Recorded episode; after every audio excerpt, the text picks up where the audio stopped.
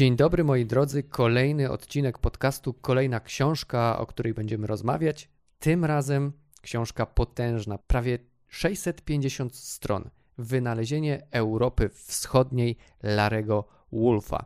A o tej przepięknie wydanej publikacji porozmawiam z Łukaszem Galuskiem, zastępcą dyrektora do spraw programowych w MCK w Krakowie, a MCK to oczywiście Międzynarodowe Centrum Kultury. Dzień dobry. Dzień dobry panu, dzień dobry państwu. Mam właśnie przed sobą e, książkę, o której będziemy e, rozmawiać i na początek no po prostu muszę pochwalić to wydanie i w ogóle w sposób, e, w jaki wydają państwo tę serię. To jest seria, przypomnijmy, Biblioteka Europy Środka.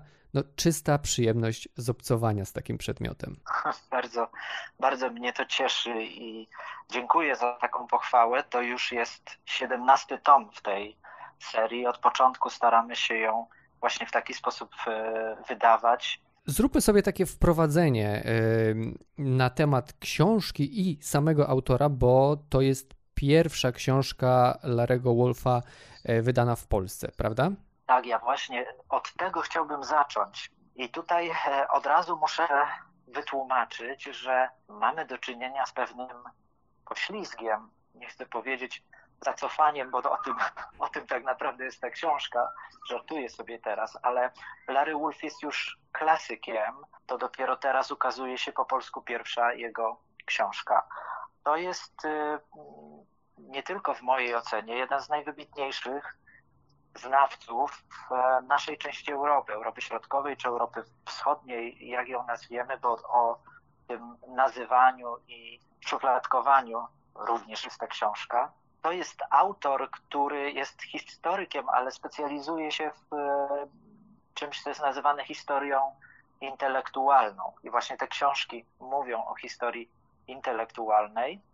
Tak jak powiedziałem, uważam, że absolutnie powinien być jednym tchem e, wymieniany wśród tych najlepszych zachodnich, mówię to z pewną niepewnością, znawców Europy Środkowej, takich jak Timothy Garton-Ash, e, Norman Davis, e, Tony Judd, czy z młodszego trochę pokolenia mm, Timothy Snyder.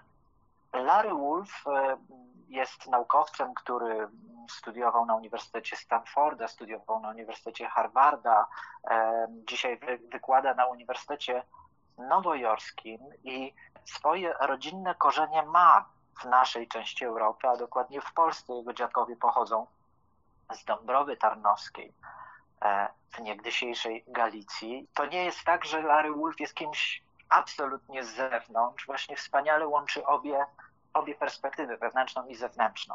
A mówię o tym, e, o tych korzeniach intelektualnych po to, żeby uświadomić Państwu, że Larry Wolf ma naprawdę ogromne, e, ogromny horyzont swoich badań, bo to jest e, Wenecja i świat adriatycki, to jest Polska, Ukraina, Galicja, Rosja, więc rzeczywiście imponujące, imponujące spektrum. I jego mm, wielkie wejście na, na scenę historii i, i, i w dyskurs intelektualny to jest właśnie ta książka, Wynalezienie Europy e, Wschodniej, która ukazała się w 1994 roku. Także mamy ją, tak jak wspominałem, z poślizgiem ale myślę, że ten poślizg jest bardzo, bardzo ciekawy. Więc wiemy już bardzo dużo o samym autorze, a teraz y, chciałbym się przyjrzeć trochę bliżej tematowi, żeby nasi słuchacze, którzy nie słyszeli o książce, wiedzieli o czym mówimy. E, czyli książka Larego Wolfa nosi tytuł Wynalezienie Europy Wschodniej i chciałbym zapytać, czym było to wynalezienie? Co to właściwie znaczy wynaleźć Europę Wschodnią? Właśnie Larry Wolf pisze historię intelektualną, czyli taką trochę inną historię niż tę, do której jesteśmy przyzwyczajeni, historię polityczną, historię wojen, podbojów, e, posiadania, e, zdobywania wskutek właśnie działań właśnie militarnych bądź innych, to mogą być też e, działania gospodarcze, kolonizacja. Larry Wolf pisze o takim specyficznym działaniu, które jest przede wszystkim działaniem myślowym, a jednak, jak się okazuje, bywa trwalsze niż jakiekolwiek inne działania polityczne, bo pokazując, że pomysł na to, żeby świat europejski podzielić na wschód i zachód, jest pomysłem oświeceniowym. Powstał w XVIII wieku, a tak naprawdę przetrwał przez kolejne 200 lat mnóstwo, mnóstwo systemów politycznych, i e, wcale od niego nie jesteśmy wolni. Na czym polega ten koncept Larego Wolfa? Polega na zauważeniu, że w epoce nowożytnej, w renesansie, w baroku, myśleliśmy e, o Europie jakby wzdłuż zupełnie innej osi, wzdłuż osi północ-południe.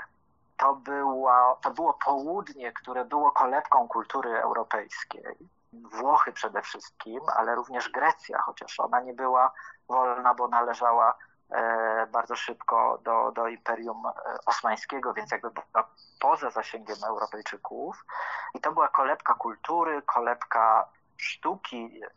Przecież nie muszę przypominać, że, że architekci, muzycy, e, aktorzy włoscy e, byli na, były, ich obecność na dworach Europy była dowodem właśnie ogłady i pozycji kulturalnej.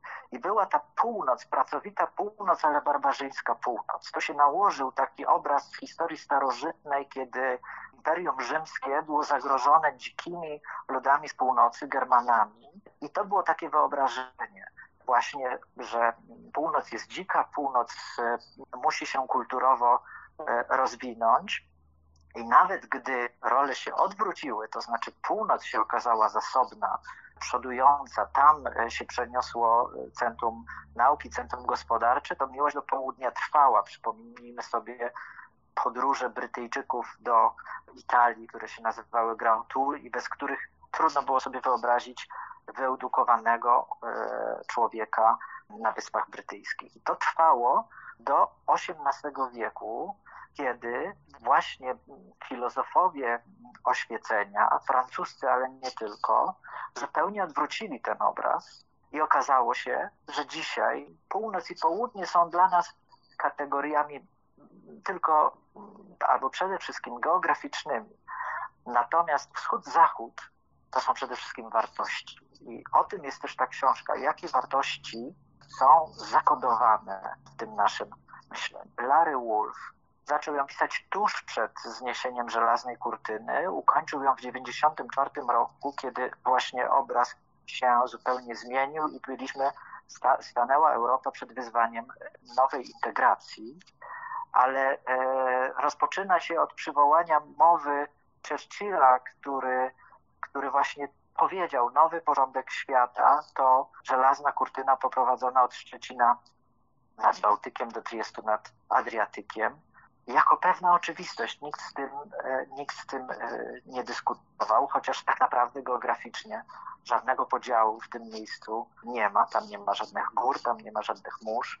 Larry Wolf świetnie tropi, w jaki sposób udało się wyodrębnić coś, co stało się oczywiste, a tak naprawdę pod ręką było bardzo mało widomych cech, które pozwalają na takie odróżnienie, bo ani geografia, ani wygląd.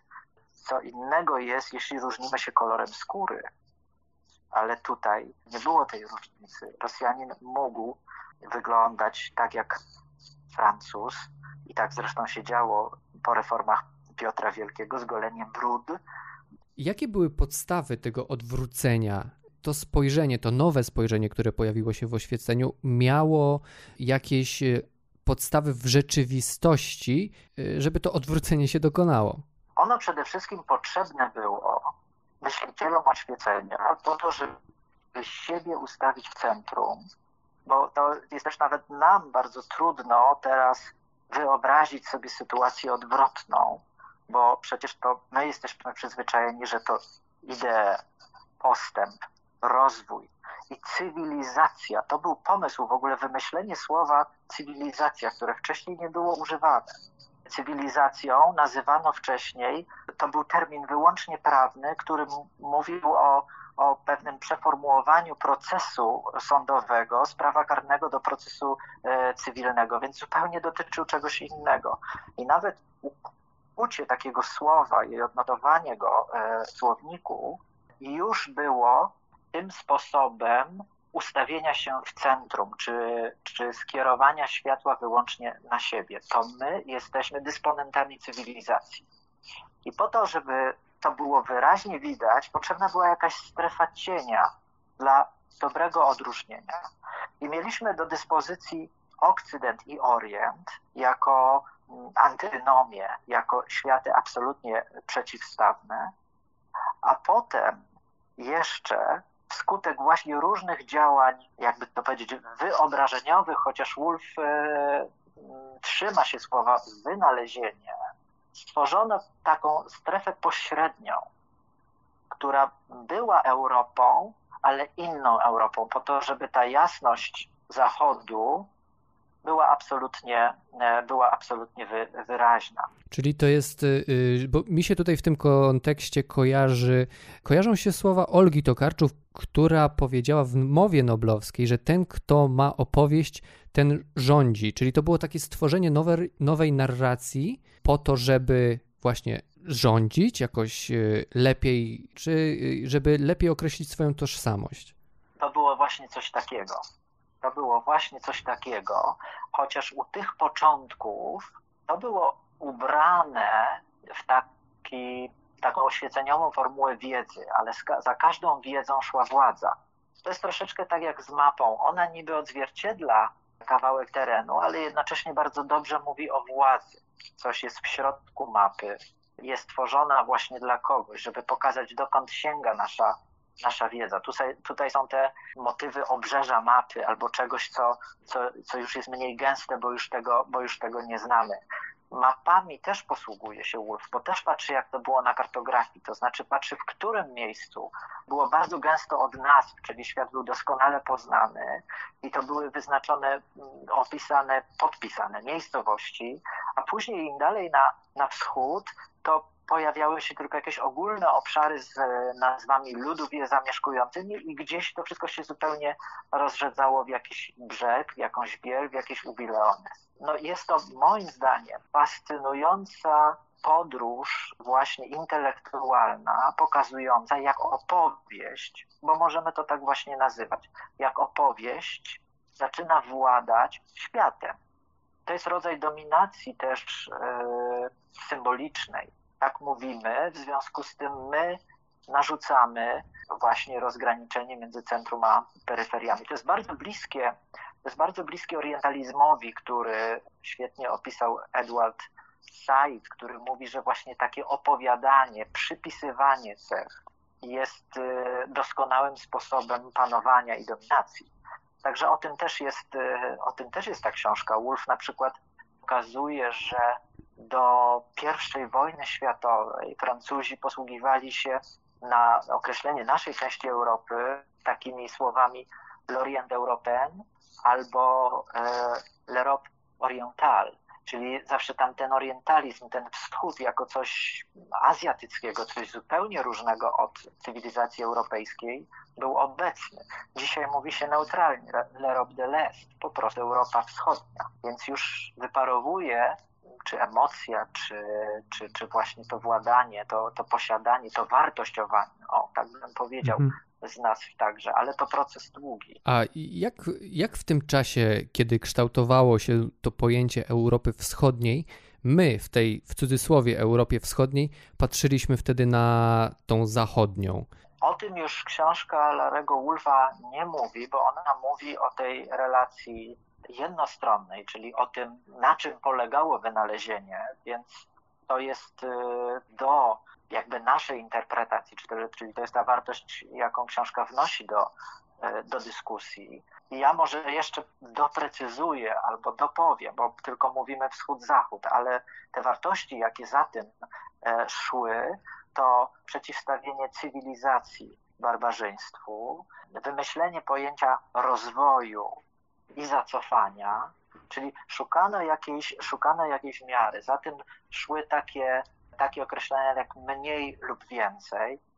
Tu jest więcej czegoś, więcej cywilizacji, więcej ogłady, więcej dobrych obyczajów, tam jest ich mniej. Wcześniej i później to też jest takie rozgraniczenie. Coś się działo wcześniej na Zachodzie, w związku z tym Zachód miał na to swoją licencję, miał prawa patentowe czy własnościowe, tu się działo później, było tylko, było tylko odzwierciedleniem.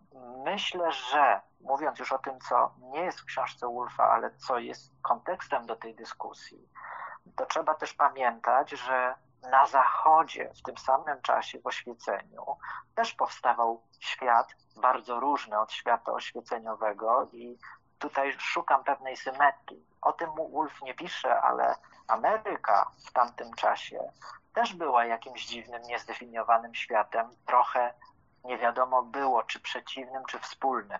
Dzisiaj jest dla nas jasne, że to jest pewien wspólny świat euroatlantycki, ale wtedy francuscy myśliciele też przyglądali się z ciekawością i niepokojem dzikiej Ameryce i demokracji, tej, tej dziwnej formule rządów, która wydawała się pogwałceniem wszystkiego, co, co, co światłe w absolutyzmie, w oświeceniu.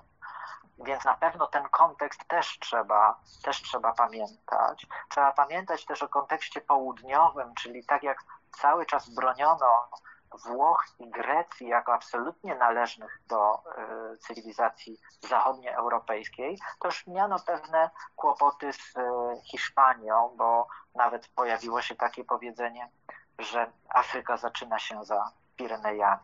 Bardzo ciekawe w tej konstrukcji jest na przykład wyłączenie Grecji, bo przecież Grecja jest dużo bardziej na wschód niż, y, niż Polska, niż Czechy, niż Węgry, to po pierwsze.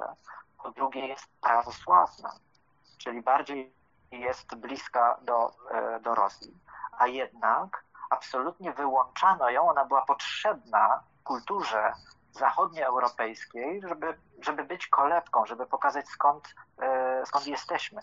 I proszę zobaczyć, że jak Churchill kreśli, e, odkreśla kreską Europę Wschodnią od zachodniej, to wyłącza Grecję.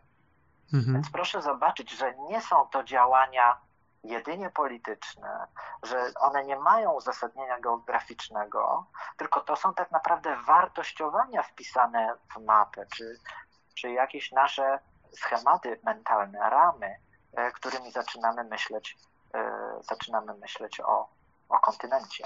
Jeśli konstruuje się e, obraz Słowian jako tych zacofanych, jako tych dzikich jeszcze ludów bez e, ogłady, trochę na wzór e, Germanów, którzy zagrażali Imperium Rzymskiemu, bo rzeczywiście mm, Larry Wolf pokazuje, no jak to jest, że do jednego worka wrzucono Rosję z Turcją oraz Czechy, Polskę, Słowian Południowych. Jak to jest?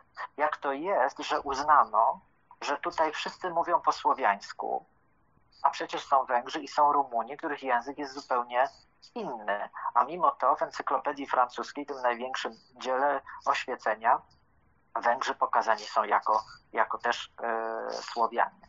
Więc w odpowiedzi na to wymyślenie, że istnieje jakaś potęga słowiańska, której przewodzi Rosja i że to nas bardzo stala, no chyba było próbą poszukania takiej równowagi, ale od razu wyświetla mi się, wyświetla mi się obraz e, Związku Radzieckiego i Ameryki jako dwóch dwóch równoważących się sił. To teraz chciałbym zapytać o to, czy ta książka, którą my teraz możemy czytać w Polsce, jest, a którą już y, cały świat mógł czytać wcześniej, czy ta książka jest bardziej potrzebna nam, Polakom, czy Europejczykom, tym w cudzysłowie ze wschodu, czy bardziej Zachodowi? Myślę, że ona jest potrzebna przede wszystkim nam, Teraz ukazuje się jej polskie wydanie, więc też trudno mówić o jakimś jej oddziaływaniu szerszym niż e, naszym. My ją uzyskujemy później o, o 10 lat niż przetłumaczona była na rosyjski czy na ukraiński, ale ja właśnie widzę w tym ogromną wartość. E, tak jak sobie zażartowałem na początku, jedną z cech naszej części Europy miało być zapóźnienie i rzeczywiście mamy zapóźnienie w wydaniu tej książki po polsku, a jednocześnie możemy zobaczyć, co z tego, co Larry Wolf napisał w 1994 roku w radości, bo kończył się tamten porządek, możemy sprawdzić, na ile to ciągle, na ile to ciągle trwa. Bo chcę jeszcze dopowiedzieć, że sednem wymyślenia Europy Wschodniej było nie zupełne jej oddzielenia od y, Europy Zachodniej, bo tym, tym, co było przeciwnością, to był Orient i azjatyckość, ale właśnie taki, taki podwójny jej status. Z jednej strony jest częścią kontynentu, a z drugiej strony jest od niej bardzo różna. Więc przynależność i wykluczenie zarazem są właśnie dokładnie definicją tej, tej części Europy. Nie jesteśmy do końca Europą Zachodnią, nie jesteśmy Orientem, ale mamy pośredniczyć między jedną i drugą strefą. No i to jest chyba coś, co mamy właściwie w naszych głowach cały czas. To znowu jest długie trwanie pewnej konstrukcji, pewnej konstrukcji mentalnej. I dla mnie to jest o tyle ciekawe, że ja urodziłem się jeszcze w czasie trwania zimnej wojny, więc jestem też człowiekiem dwóch światów i porównuję sobie te dwa światy, ale 30 lat od ukazania się tej książki to jest też jedno pokolenie, dla którego tamten świat i tamten podział jest historią taką jak każda, jak każda inna, można powiedzieć taką samą jak historia Imperium Rzymskiego. Niedoświadczoną, tylko zapośredniczoną już jak, e, poprzez, poprzez narrację historyczną.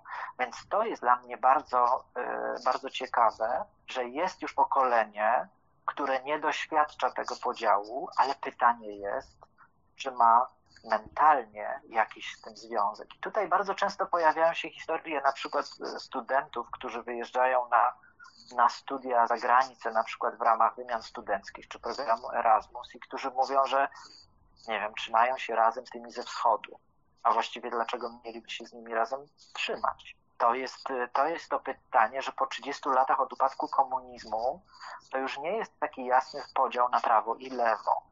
Że idąc tym tropem, że to rozwój i cywilizacja decydują o przynależności do wschodu bądź zachodu, w jakiś sposób dookreślono to i dzisiaj bardzo łatwo jesteśmy to poprzez kryterium ekonomiczne w stanie opisać. Wystarczy, że weźmiemy PKB i już mamy cyfrę, która nam pokazuje, gdzie jesteśmy w skali rozwoju. I teraz mamy taką sytuację, że polska gospodarka, czy słoweńska gospodarka, czy czeska gospodarka wcale nie są gorsze od hiszpańskiej czy portugalskiej. Ten układ już się zmienił, a w naszych głowach ciągle jeszcze jesteśmy spotkaniu z na przykład młodymi ludźmi z innych krajów, plasujemy się właśnie gdzieś, gdzieś na wschodzie. Także to jest dla mnie ciekawe. Zacząłem się teraz zastanawiać, czy wstąpienie Polski do Unii Europejskiej jakoś nie niweluje e, tych, tego spojrzenia, e, które gdzieś tam mamy utarte w głowie tego podziału wschód-zachód. Oczywiście, oczywiście, że ono, je, y, że ono je niweluje i to jest właśnie to mm, ogromne osiągnięcie. Ale też jednocześnie nie wymazuje do końca. To jest to, o czym mówię, o długim trwaniu pewnych ram myślowych. Wstąpienie do Unii Europejskiej w sensie politycznym i w sensie historycznym zmienia tę sytuację całkowicie. Jak wyświetlimy sobie mapę sprzed 40 lat, to to jest podział na wschód i zachód. Chociaż o tym właśnie Wolf bardzo e, ciekawie mówi, patrzę na mapę i widzę e, mozaikę kolorowych państw i nigdzie nie ma tej grubej kreski, takiej, no nie wiem, jak morze, jak ocean, albo jak jakiś mur chiński, która by oddzielała, a jednocześnie wszyscy wiedzą, kto jest po której stronie. Dzisiaj, jak patrzymy na mapę, to mamy dużą plamę, e, dużą plamę Unii Europejskiej, i to jest ogromna zmiana historyczna, bo właśnie Polska, Litwa, Czechy, Węgry, Słowacja, Słowenia, Chorwacja, Bułgaria, Rumunia są częścią Europy bezsprzecznie. Tak, ale z drugiej strony. A jednocześnie, tak. jak o sobie myślimy. Tak, ale. Ja się zacząłem zastanawiać, czy ta książka nie jest tak naprawdę ważna dla nas. Nie dla Zachodu teraz już, ale dla nas, żeby sobie uświadomić, czy my nadal tak o sobie czy my nadal tak o sobie myślimy. Tak, ale z drugiej strony y, coraz częściej, jak gdyby dzisiaj potwierdzamy, potwierdzamy jako Polska, Węgry czy Turcja, że my jednak w jakiś sposób jeszcze nie przynależymy. Ja mówię o tym rozwoju autorytaryzmu, sprawy związane z polskim sądownictwem, z praworządnością, i tutaj dajemy jakby argumentów, że nadal ten podział jakoś istnieje. Nie potrafię tego, nie potrafię tego skomentować, żeby rozstrzygnąć to, dlatego że, że, że nie wiemy, jakiego rodzaju jest to nurt. Czy jest to nurt bardzo, bardzo silny i trwały, czy jest to przelotny ból takiego ząbkowania, no ból potrzebny do tego, żeby coś się, coś się rzeczywiście poukładało. Ale jak powiedziałem o tej 30-letniej perspektywie, która jest bardzo ciekawa, to właśnie z myślą o na przykład takim zdaniu, które wypowiedział Voltaire, i które wydaje mi się, że w 90 którymś roku moglibyśmy je przeoczyć albo nie odnosić w żaden sposób do rzeczywistości, a dzisiaj ono mnie się bardzo wyrwało. Polter powiedział, że dobroczynna autokracja może nie jest zbyt dobrym sposobem sprawowania rządów w krajach Zachodu, ale w krajach Wschodu bardzo jest przydatna. I tyle. Tak, też zapamiętałem to zdanie zostawię trzy kropki. To jest jakby zadanie dla nas do, do, do, do przemyślenia. Mhm. A czy my, Polacy, patrzymy dzisiaj na jakiś region, tak jak patrzono na nas, czyli w sposób trochę stereotypowy, taki poprzez y, narzucone nam skądś z zewnątrz schematy, które nie są y, prawdziwe, które nie mają poparcia w rzeczywistości? Myślę, że ta matryca mentalna postrzegania kogoś, kto jest po zachodniej stronie, jako bardziej rozwiniętego, a kogoś po wschodniej stronie jako mniej rozwiniętego, jest bardzo silna. Znowu proszę zauważyć, powiedziałem, że coś gdzieś jest, czegoś gdzieś jest więcej, czego gdzieś jest mniej. Mhm. To jest przedziwne, że, że, że patrzymy e, w takiej osi, my w Międzynarodowym Centrum Kultury w Krakowie mamy e, tego świadomość, że bezwiednie e, rozglądamy się właśnie na wschód, zachód, na prawo i lewo i dlatego z takim uporem pokazujemy też kierunek południowy, który z Krakowa jest doskonale widoczny. Bo to już Milan Kundera pokazał, no jak to jest, że Praga mentalnie jest kojarzona ze wschodem, a Wiedeń z zachodem, jak w, w stosunku do geografii jest zupełnie odwrotnie. Praga jest bardziej na zachód od Wiednia. Więc mamy coś takiego i gdzieś mentalnie przesuwamy ten mur, który nas rozdziela, na wschód. A tak naprawdę powinniśmy chcieć ten mur zburzyć. Właśnie to mnie zastanawia, to, mm, że nie potrafimy się wymknąć z tego schematu myślowego, bo nawet jak znajdziemy się po drugiej stronie, to po prostu wypychamy te granice jak najdalej. Ona na przykład po Majdanie ukraińskim już nie jest pomiędzy Polską a Ukrainą na granicy Unii Europejskiej, tylko już wydaje się nam, że ona jest za Ukrainą, ale oddziela nas od, od e, autorytarnej, dzikiej, azjatyckiej Rosji. A tak naprawdę my powinniśmy chcieć ten mur unieważnić i wymyśleć, wynaleźć jakiś nowy sposób opowiadania, a co za tym idzie widzenia naszego kawałka świata. Ale czy jesteśmy na to gotowi, czy mamy na to inny pomysł? Bardzo dobra, e, bardzo dobra jest ta cisza. E, będzie kolejna książka Wolfa, to już wiemy. Kiedy i o czym? Ona będzie już niedługo. W styczniu będzie premiera kolejnej książki Larego Wolfa po polsku, która nazywa się Idea Galicji, historia i fantazja w kulturze politycznej Habsburgów. I to jest e, równie gruba książka i równie ciekawa. Co jest w niej ciekawe, e, albo co chciałbym w kontekście naszej rozmowy powiedzieć, to również Wolf pisze, jak mówi, historię intelektualną Galicji, ale dla mnie tak naprawdę on pokazuje na przykładzie jednego, e, jednej krainy, która została, jak on to mówi, wynaleziona w 1772 roku i zlikwidowana w 1918, więc znowu proszę zwrócić uwagę na pewną sztuczność. To nie jest kraina geograficzna, która jest, czy nam się to podoba, czy nam się nie podoba, tak jak Małopolska, ale właśnie kraina wymyślona, która ma swój początek, swój koniec, kres istnienia, a jednocześnie wskutek różnych działań myślowych próbuje nadać się jej trwałość i naturalność.